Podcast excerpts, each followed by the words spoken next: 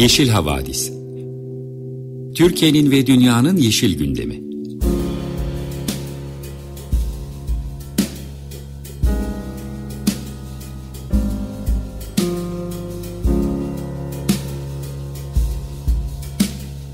Hazırlayan ve sunanlar Selin Uğurtaş ve Arca Yılmaz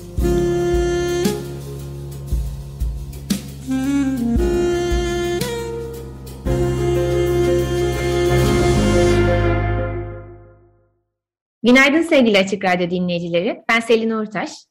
Ben Arca Yılmaz. Ekolojik, politik, katılımcı ve şenlikli Yeşil Havadis programına hoş geldiniz.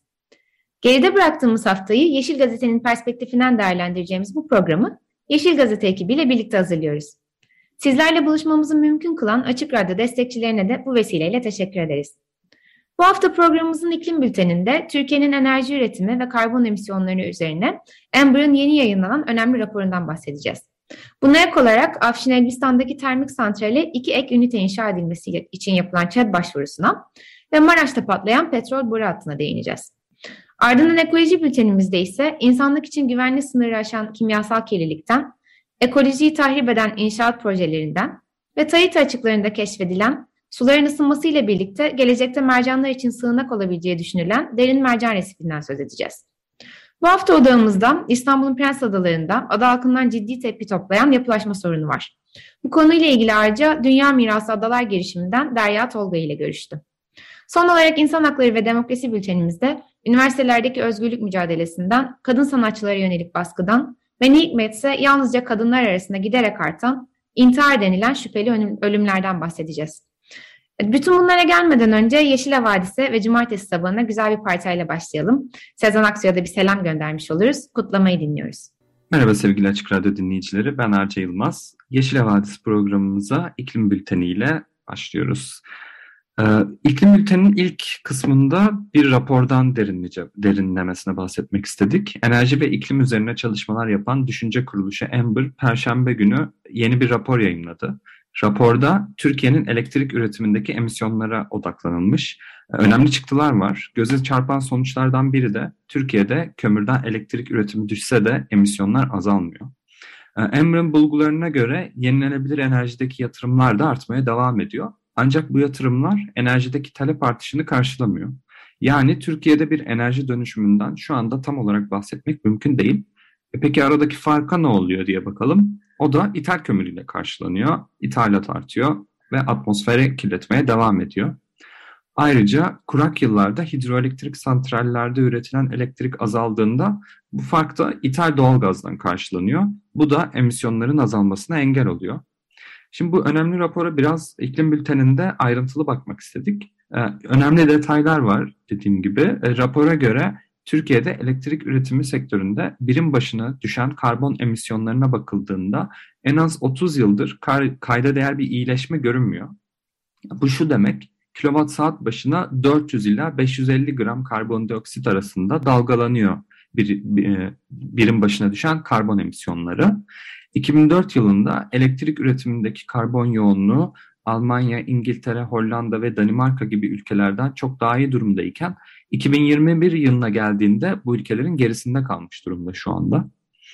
Ama olumlu bir gelişme de var. Bu da tabii ki yenilenebilir alanında.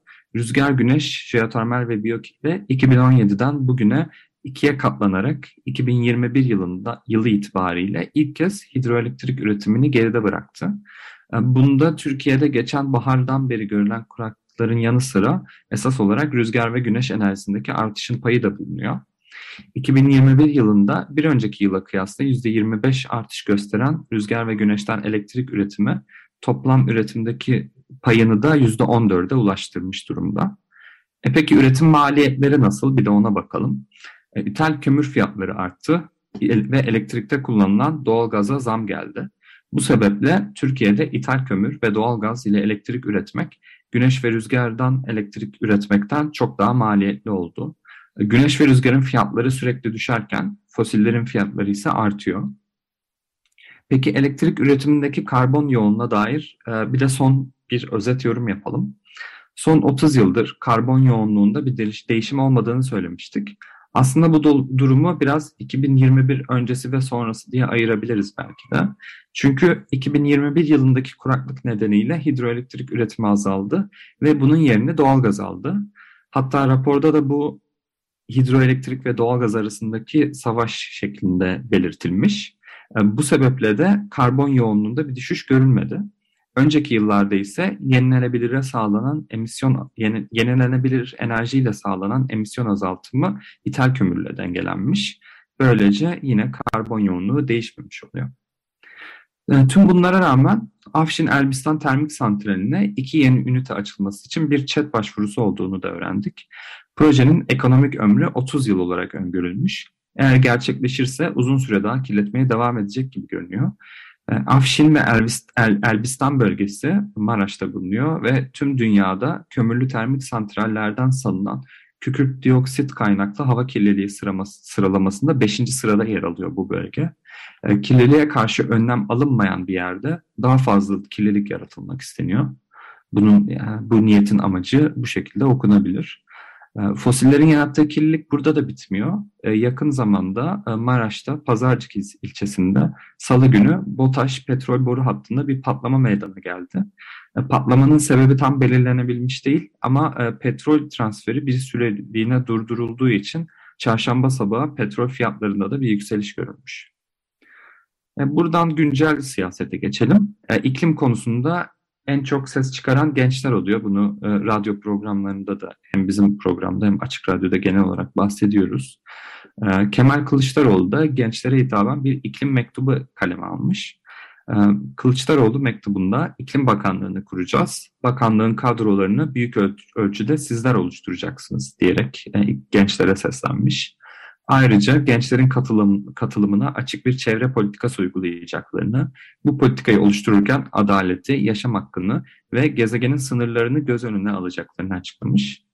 Ee, ama bir e, çelişki var. Bu mektuptan biraz daha önce 13 Ocak'ta ise iklim için talihsiz açıklamaları olmuştu Kılıçdaroğlu'nun. Ee, Zonguldak'ta hükümetin ithal kömür politikalarını eleştirirken daha fazla istihdam için yerli kömür üretilmesi gerektiğini söylemişti hükümetin ithal kömür politikası için Türkiye'nin felaketine yol açar derken ithalatı durdurarak, istihdam yaratarak ve dışarı para göndermeyerek kömür madenciliği ile bir taşla üç kuş vurulabileceğini ileri sürmüştü. Herhalde yerli kömür Türkiye'nin felaketine yol açmıyor gibi bir anlam çıkıyor benim anladığım kadarıyla. E, şimdi de yurt dışındaki haberlere biraz göz atalım. Birleşik Krallık'tan bir haber var. İklim aktivistleri petrol ve doğal gaz düzenleyicisi OGA'ya karşı dava açmak istemişti. Ee, ancak bu davayı yüksek mahkeme reddetmiş. Ee, OGA ya da Oil and Gas Authority olarak geçiyor. Birleşik Krallık karasularındaki fosil yakıtların çıkarılmasını düzenleyen devlete bağlı bir kuruluş, bir e, regülasyon kuruluşu. İklim aktivistleri OGA'nın eylemlerinin fosil yakıt sektörüne bir tür yasa dışı sübvansiyon anlamına geldiğini iddia ediyordu. Aktivistler ayrıca bazı yıllarda petrol ve gaz fiyatlarının düşük olması durumunda hükümetin vergi almak yerine üreticilere para iadesi yaptığını, böylece de usulsüz bir vergi kazancına yol açtığını savunuyordu. Peki neden kabul edilmemiş diye bakalım.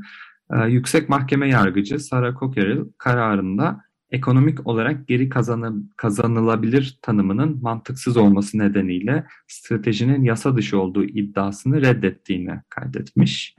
E, kuruluşun avukatları savunmada yaptıkları savunmada endüstrideki herkesin pek çok kişinin yaptığı gibi e, petrol ve doğalgaz çıkarmanın enerji güvenliği ve istihdama olumlu etki yaptığını iddia etmişler.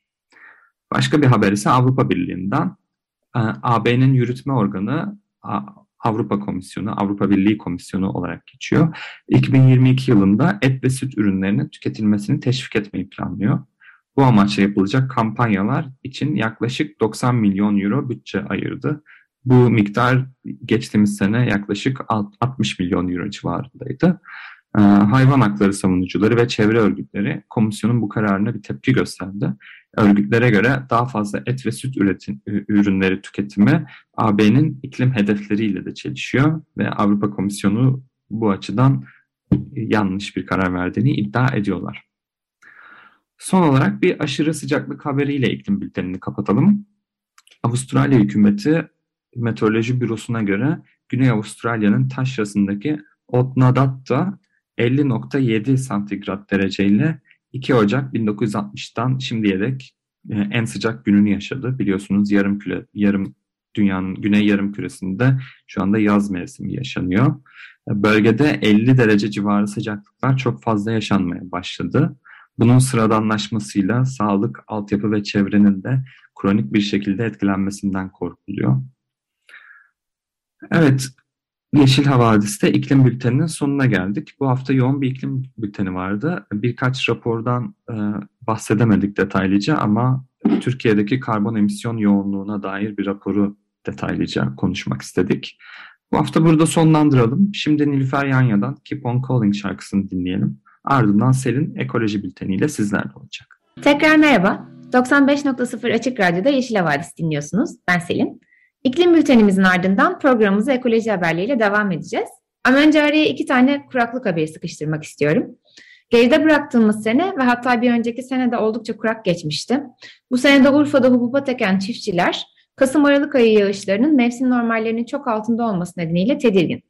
Devlet su işleri çiftçiler için Harran ve Suruç ovalarına normalden daha erken su bıraktı. Ancak yine de toprağın yeterince doyurulamadığı söyleniyor. Harran Üniversitesi Ziraat Fakültesi öğretim üyesi Profesör Doktor Mehmet Ali Çullu hem çiftçilerin hem de devlet kurumlarının bundan sonra daha ihtiyatlı davranması gerektiğini söylemiş.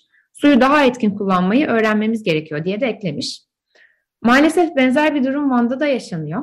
Van Gölü'nde suların çekildiğine dair haberleri daha önce de sizlerle paylaştık. Bu durum 2015-2021 yılları arasında çekilen uydu görüntülerine de yansımış.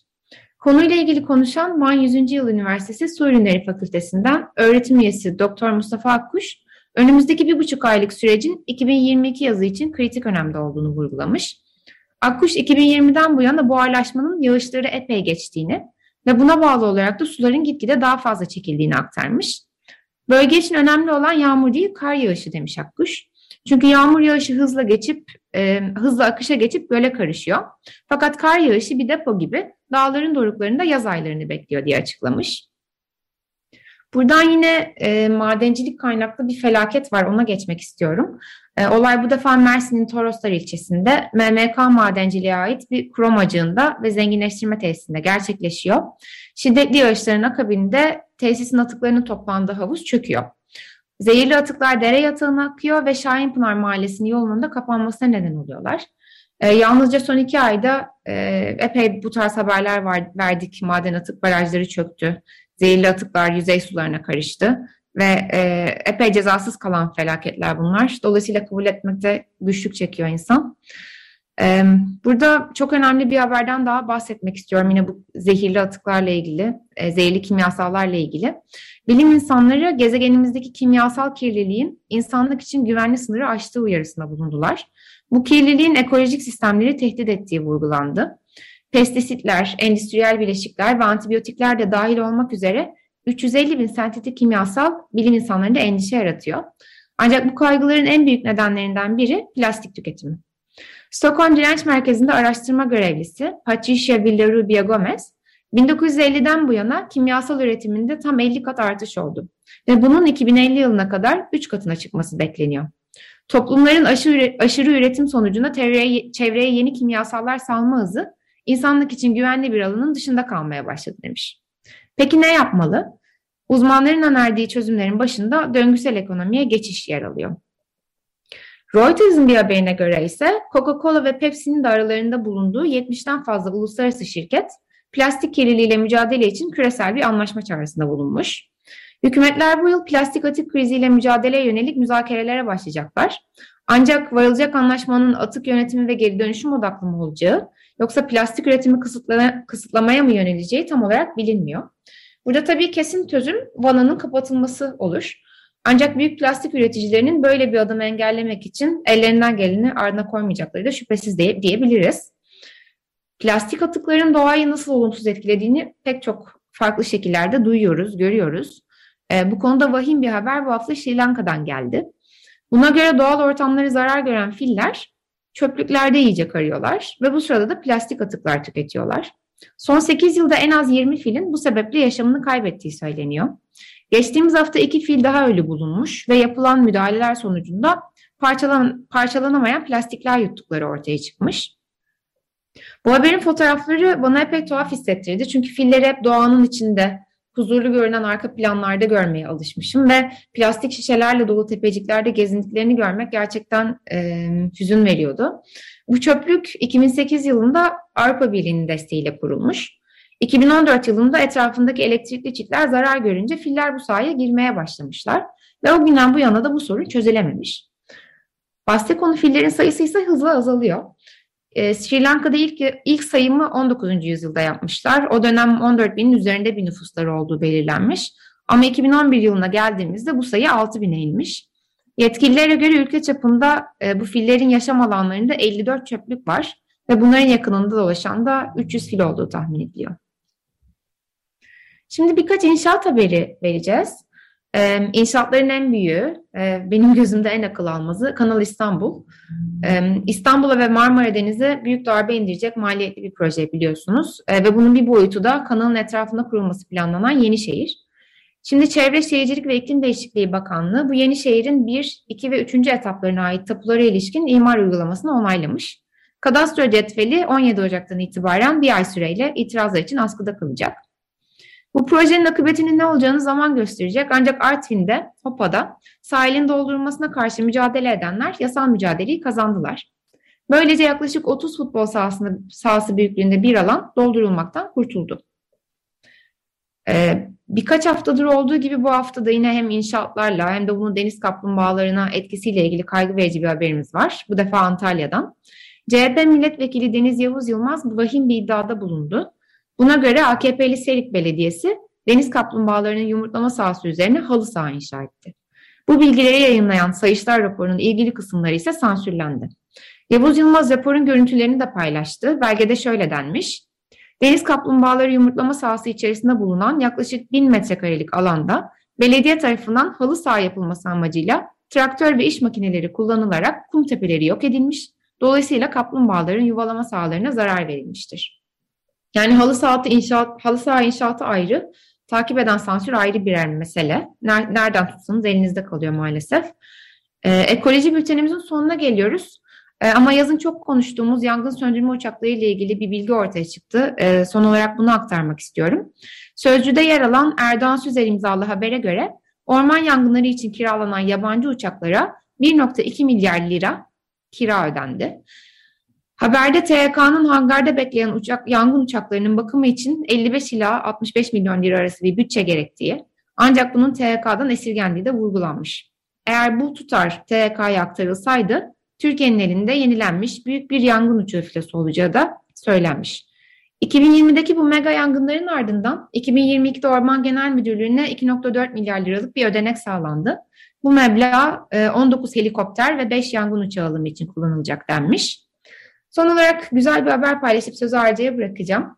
Tahiti açıklarında alışılmadık şekilde 30 metre derinlikte ve 3 kilometre uzunluğunda bozulmamış dev bir mercan resifi keşfedildi. Edinburgh Üniversitesi'nden deniz bilimci Profesör Murray Roberts, sığ sular daha fazla ısındığından bu gibi daha derin resif sistemlerinin gelecekte mercanlar için birer sığınak olabileceğinden söz etmiş. Evet, böylelikle ekoloji bültenimizin sonuna geliyoruz. Az sonra Arca'nın Prens Adaları'ndaki yapılaşma hakkında Dünya Mirası Adalar girişiminden Derya Tolga ile yaptığı söyleşiyi dinleyeceksiniz. Ama öncesinde kısa bir müzik arası verelim. Moderator'dan Words Remain'i dinliyoruz. Tekrar merhaba. Yeşil Havadis programında bu hafta Dünya Mirası Adalar girişiminden Derya Tolga'yı ağırlıyoruz. Ee, Derya Hanım aynı zamanda Açık Radyo programcısı. Aynı isimli programı hazırlayıp sunuyorlar. Ee, hoş geldiniz Yeşil Havadis'e. Merhaba, beni davet ettiğiniz için de çok teşekkür ederim. Çok teşekkürler. Ben de sizi e, yayına başladığınız günden beri cumartesi sabahları böyle özet bilgi olarak e, hap şeklinde e, dinleyip e, genel bilgiyi alıyorum haftalık olarak. Çok teşekkür ediyorum sizlere de. Çok teşekkürler, çok naziksiniz, sevindik. Bunu duymak da çok güzeldi bizim için. Ee, konumuza dönersek, ben hani adaları bugün konuşacağız Derya Hanım'la. Adalardaki son durumu ve buraya hani nasıl geldik, biraz bunu detaylı konuşmak istedik Prens Adaları'nda. E, ilk olarak güncel bir konudan başlayalım isterseniz. Bir süredir adalardaki yapılaşma girişimlerinden e, başlayalım. Daha sonra müsilaj bakanlık kararları ve davaya da değiniriz. Hı hı, e, hı. Adalardaki bu kıyı tahribatı, inşaat meselesi yeni değil. Çok uzun süredir devam eden bir mevzu. Ama hani son durumda ne oluyor? Hani yeni gözlemleriniz nelerdir? Onları bir bizle paylaşabilir misiniz? Tabii ki. Ee, bildiğiniz gibi 1984 itibariyle adalar sit bölgesi olarak ilan edildi. E, bu ilanda da e, belirtmek isterim e, Büyük Adalı Tiraje Dikmen e, çok önemli uluslararası bir sanatçımızdı. Onun çabalarıyla oluştu. 1984 çünkü hepimizin bildiği gibi bu neoliberal e, e, ekonomilerin bayağı e, bayağı çıldırdığı dönemlerdi açıkçası ve e, adalar da tam onunla e, denk geldi ve bir cins hani sit bölgeleri nasıl koruma alanı da hani ilan ediliyor ya şimdi böyle bazı yerler. E, düşünmek lazım gerçekten nasıl oluyor da sit bölgeleri bu kadar rahatlıkla e, her yere yasa dışı şeyler yapılabiliyor kıyısına, ormanlarına, e, denizine. E, koruma bu, gerçekten koruyor mu acaba sorusu geliyor aklıma. Koruma evet evet. Ve hatta benim aklıma şey geldi hani Orwell'ın e, 1984 romanı var ya. bir İstanbul 1984 romanı biri, birinin yapmasını çok e, güzel olur diye düşünüyorum. Neyse lafı çok e, dolandırmadan e, Yeşil Gazete'de e, evet e, bir haber olarak çıktı. Hani denize sıfır e, tuvaletler diye böyle. E, çünkü artık en sonunda kıyısına bir de tuvalet inşası kararlaştırılmış ve bu Burgazada özelinden e, konuşursak orada Burgazada Mahalle Meclisi var.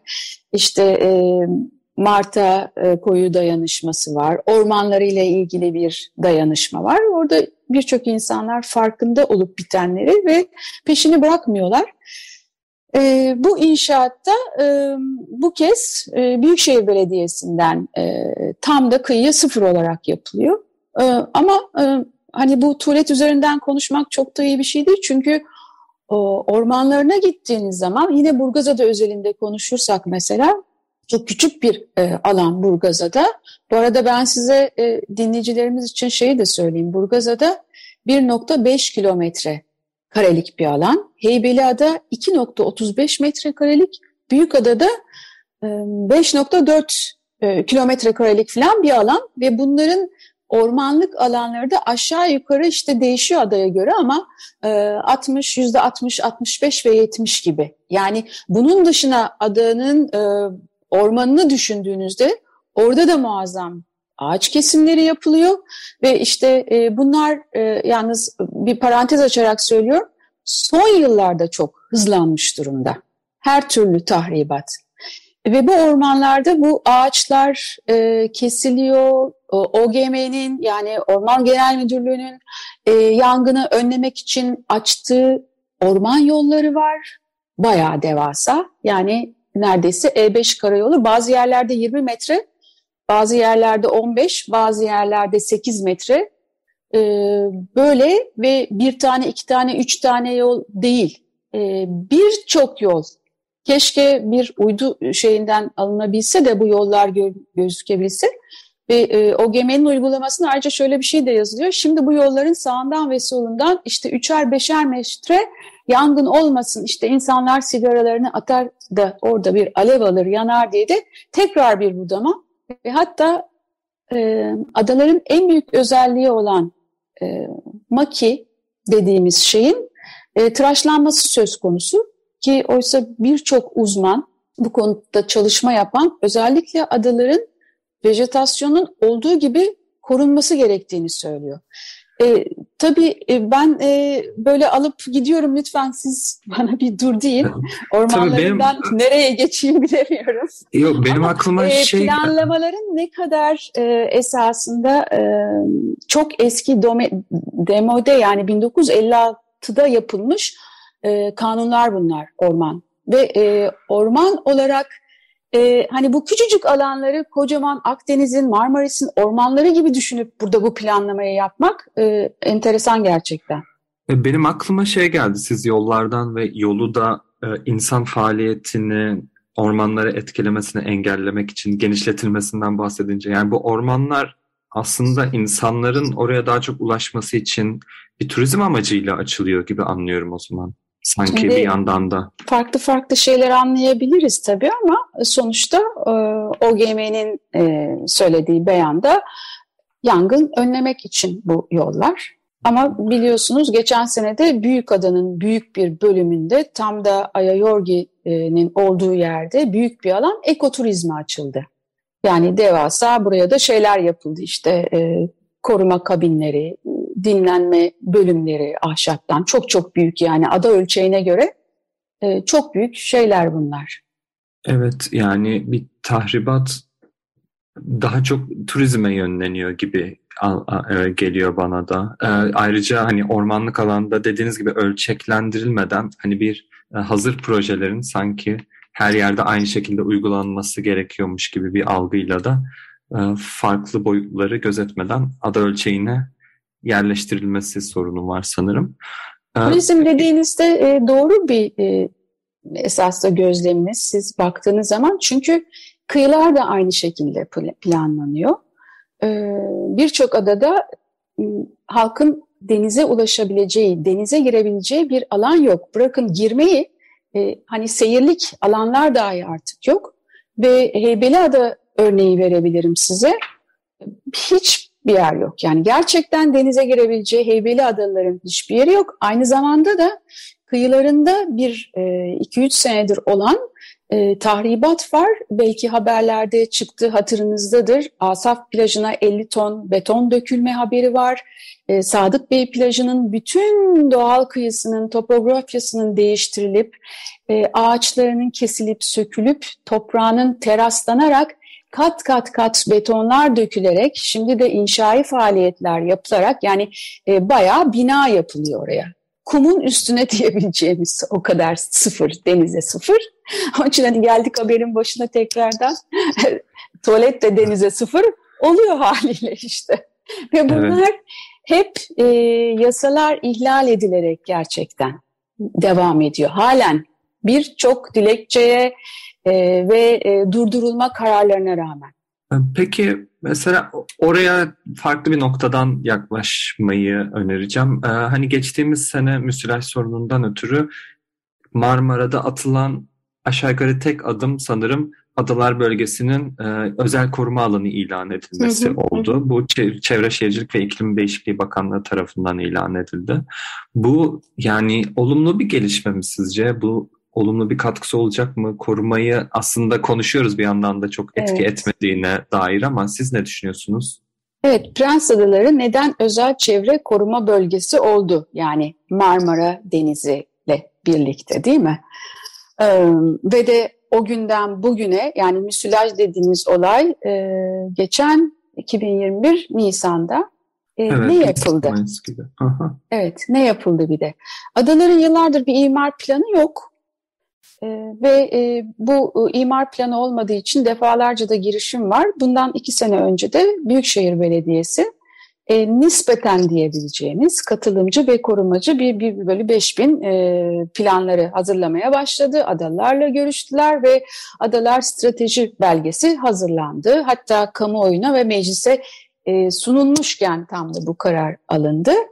E, ve bir anda e, adalardaki imar planı yapma, onaylama e, ve diğer ilgili tüm e, bu yürütme yetkisi e, Çevre ve Şehircilik Bakanlığı'na geçmiş oldu.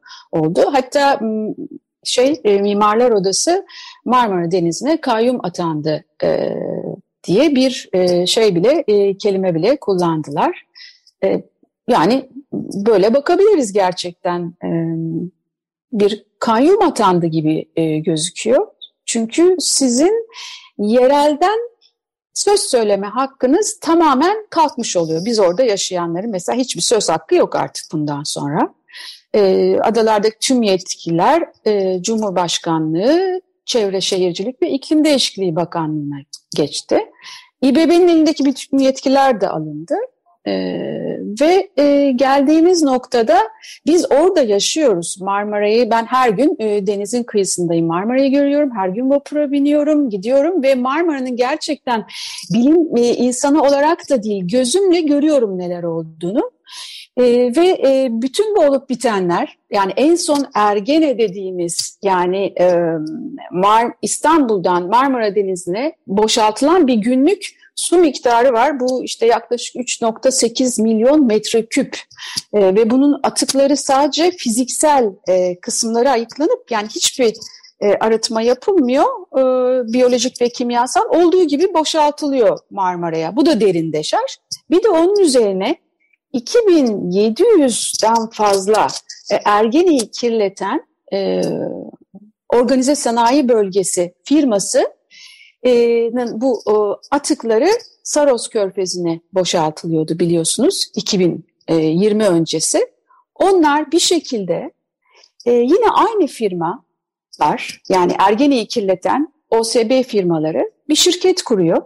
Ergene Derin Deşarj e, Derin Deniz Deşarj AŞ olarak ve iddiaları da şu Ergene Havzası'nı kirlilikten kurtaracağız diyerek çıkıyorlar ortaya ve bunu e, arıtma yaptık diye e, şeyden alıyorlar Saros Körfezi'ne akıtmaktan ta oradan 50 kilometre taşıyarak bu, bu sefer Marmara'nın e, derinine e, deşarj ediyorlar. Şimdi e, halk yani normal bir vatandaş olarak şunu sorduk. Yahu dedik bu eğer arıtılıyorsa niye 50 kilometre taşınıyor da Marmara'ya veriliyor değil mi? Yani orada tekrar o bölgede sanayi bölgesinde kullanılsın. E peki e, o zaman e, cevabı kendi kendimize demek ki Aa, arıtılmıyor mu diye soru uyandı bizde. İkincisi Saroz'a dökülüyorken ne oldu da hop diye e, Marmara'ya dökülür oldu? Bir de o kadar 50 kilometre boruyla taşınarak. E, Saroz'da e, uluslararası denizdeyiz e, bayağı siz bu kimyasal zehirli suları akıttığınız zaman bir yaptırımları var bildiğim kadarıyla. Ve böylece e, bu soruları sorup da e, cevapları kendimizce e, tam vermeye çalışırken bu soruları davayla beraber yetkililere sormak ve nedir bu derin deniz AŞ'nin yaptığı? Yani bizi niye zehirlemeye devam ediyor? Gelecek kuşakları, çocuklarımızı, işte torunlarımızı bizi niye hasta ediyor? Bir de bunun hastalık kısmı var ki Bülent Şık da biliyorsunuz e, besin kısmından, zincirinden işte e, biyoçeşitliliğin yok olmayan yani o kadar geniş bir e, şey ki vakit çok az toparlamaya çalışacağım ve 18 sivil olarak e, Heybeli Adalı avukat e, Tunç Lokum da bize önderlik ederek bir dava başlattık. E, bu dava başladı ama e, bunu niye açtık bu davayı? Biraz farkındalık yaratmak için ve e, insanların yani yaşayanların da bunu görmesini. Çünkü 25 milyon insan yaşıyor Marmara'nın etrafında. E, onların da bu davanın bir ucundan tutması, bu illa dava açmaları şart değil, suç duyurusunda bulunabilirler, bunu konuşulur hale gelirler, dikkat çekilir hale gelir ve Marmara'yı ve kendi ölümümüzü de e, hiç olmazsa iyiye çevirebilme şansımız halen var. Çünkü varmış. Bilim insanları bir de onu söylüyor yani. Bunu iyi yapabilme, iyiye çevirebilme, tekrar hayata döndürebilme seçeneğimiz var. Ve seçmek de bize kalıyor. evet, irade buna yönelik eylemler atsın kendi arka bahçemiz diye Marmara'yı kirletmekten vazgeçsin diyebiliriz belki bu talepleri daha çok dillendirmek lazım. Ee, başka doku, dokunmak istediğimiz noktalar vardı ama süremizin sonuna geldik. Bitti. Evet. Varsa bir tek bir şey söylemek isterim. Tabii ki buyurun. bahsediyoruz Marmara. Evet e, ben e, önümüzdeki hafta e, yani salı günü saat 2'de psikiyatri profesörü sevgili dostum aynı zamanda Peykan Gökalp'le solastaljiya konusuna bir giriş yapacağız. Yani solastaljiya e, bu Glenn Albrecht ve eşi tarafından 2003 yılında e, terim olarak konulmuş ama yani çevresel değişimin ürettiği sıkıntı olarak da tanımlanabiliyor. Yani depresif bir zihinsel durum. Bu bende var açıkçası. Bu nedenle de e, sevgili arkadaşımı Peykan'ı bu konuyu açması için salı davet ettim. E, bence bu konuya da e, bizim zihinsel olarak içimizdeki bu sıkıntının altında bu kısma bakmamız lazım. Gözümüzün önünde Marmara ölürken, yaşadığımız yerleri kaybederken. Evet çok önemli bence de çünkü psikolojik yükü hakikaten çok ağır olabiliyor bazı sorunların. Bu bazı gruplarda eko anksiyete olarak da evet. dillendiriliyor sanırım. Ee, çok teşekkür ederim katıldığınız için. Programımızı Rica ederim. Ben e, dinliyor olacağım. E, merakla bekliyorum. Ee, bu hafta Dünya Mirası Adalar girişiminden Derya Tolgay bizimleydi. Adalardaki, Prens Adaları'ndaki sorunu konuştuk. Oradan da Marmara Denizi'ne dokunduk biraz daha. Ee, şimdi bir şarkı dinleyeceğiz. Tom York'tan Suspirium şarkısı gelecek. Ardından programa devam edeceğiz. Tekrar merhaba. 95.0 Açık Radyo'da Yeşil Havadisi dinliyorsunuz. Ben Selin. Programımızın bu son kısmına Boğaziçi Üniversitesi'nden endişe verici haberlerle başlıyoruz. Üniversitenin 3 seçilmiş dekanı, Fen Edebiyat Fakültesi Dekanı Profesör Doktor Özlem Berk Albaht'ın, İktisadi ve İdari Bilimler Fakültesi Dekanı Profesör Doktor Metin Ercan ve Eğitim Fakültesi Dekanı Profesör Doktor Yasemin Bayyurt yok tarafından görevden alındı. Atanmış rektör Naci İnci görevden alınan seçilmiş dekanların yerine yeni dekanlar atayacak. Üniversite ise tüm baskılara karşı özgürlüğü için direnmeyi sürdürüyor. Dekanları görevden alınan fakülteler, fakültelerinde akademisyenler açıklama yaptılar. Güney Meydan'daki akademisyen nöbetleri ise bir seneyi aşkın süredir devam ediyor. Boğaziçi için mezunlar girişimi ise okul yakınındaki billboardları 23 Ocak tarihine kadar kiralamış, özgür ve özel üniversite temalı afişler astırmışlardı. Bu afişler kendilerini görevli olarak tanıtan kişiler tarafından akşam saatlerinde yırtıldı. Bu hafta aynı zamanda Agos gazetesi genel yayın yönetmeni Hrant Dink'in öldürülüşünün 15. senesiydi. Dink 15 eksik yıl sloganıyla vurulduğu yerde anıldı. Dink'in öldürdüğü noktaya karanfiller bırakıldı, mumlar yakıldı. Geride bıraktığımız günlerde Sezen Aksu ve Gülşen de benzer temelleri olan farklı sebeplerle hedef tahtasına oturtuldular. Sezen Aksu'nun 5 sene önce çıkardığı Şahane Bir Şey Yaşamak şarkısının bir dizesi, Diyanet İşleri Başkanlığı'nın hafta başında isim vermeden yaptığı bir açıklama nedeniyle gündeme geldi. Açıklamada Hazreti Adem ve Hazreti Havva gibi dini şahsiyet, sembol ve değerlerle ilgili özensiz tutum ve davranışlarda bulunulması en hafif tabirle saygısızlıktır dendi. Ardından da mesele tabii ki büyüdü. Son olarak Sezen Aksu hakkında dini değerlere hakaret ve tahrik veya aşağılama suçlamasıyla Ankara Cumhuriyet Başsavcılığına suç duyurusunda bulunuldu. Gülşen ise sahne kostümü nedeniyle saldırıların hedefi, hedefi oldu ama sindiremediler. E, günlerce sessiz kaldıktan sonra gerçekten harika bir açıklama yaptı Gülşen. Instagram'ında o eleştirilen kıyafetiyle fotoğraflarını da paylaştı ve şöyle sordu. Bir gün gelip kadını ya da kendinden olmayanı yok saymaya, baskılamaya ve gerektiğinde yok etmeye hevesli bu ataerkil sistemin sizin gibi düşünenlerden de aldığı güçle gelip sizi de boğabileceğini, hatta boğmakta olduğunu görmüyor musunuz? Bir anne, bir eş nasıl böyle giyinir e, falan diyenlere de yine şahane yanıt vermiş ve demiş ki Evet ben bir anne babanın kızı, bir erkeğin eşi, bir yavrunun annesiyim ama ben bu sıfatlardan fazlasıyım. Hiçbir sıfatın kölesi değilim, kimseye ait değilim, kendime aitim demiş. Bütün bu karanlığın içinde bana bu yürekli açıklamalar umut veriyor gerçekten. Kendi adıma çok teşekkür ediyorum Gülşen'e. Ee, bu ülkede kadın olmanın ne demek olduğuna dair son bir haberle noktalayalım. Çiğdem Yılmaz'ın Milliyet'teki haberine göre son iki yılda yüksekten düşerek yaşanan şüpheli kadın ölümleri artmaya başladı. En az 28 kadın evde yalnız değilken balkondan veya pencereden iddialara göre düşerek yaşamlarını yitirdiler. Şüpheli ölümlerin birçoğu aydınlanamadı. Bazı dosyalarda ise intihar ettiği iddia edilen kadınların öldürüldüğü ortaya çıktı. Habere göre yalnızca 2022'nin ilk iki haftasında bile 3 kadın pencereden düştü. Adli tıp uzmanı Profesör Doktor Hakan Kar, basına yansımayanlar da eklendiğinde sayının çok daha yüksek olduğunu söylemiş ve erkek kadın intihar oranlarının neredeyse eşit olmasına karşın ne hikmetse yüksekten düşenlerin hepsi kadın demiş. Şimdi son bir müzik arası verelim. Ardından sizlere bu hafta için veda edeceğiz. Karsu'dan Sana Neyi dinliyoruz. Bu parçanın ardından 95.0 Açık Radyo'da Yeşil Gazete'nin katkılarıyla hazırladığımız Yeşil Havadis programının sonuna geliyoruz. Bizi dinlediğiniz için çok teşekkür ederiz. Haftaya yine aynı saatte görüşmek üzere. Hoşçakalın. Hoşçakalın.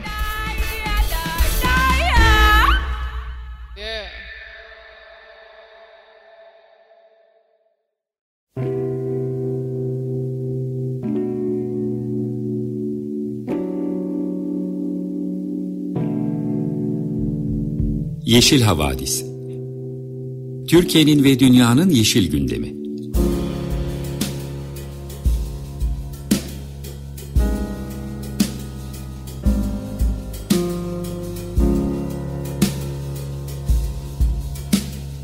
Hazırlayan ve sunanlar Selin Uğurtaş ve Arca Yılmaz.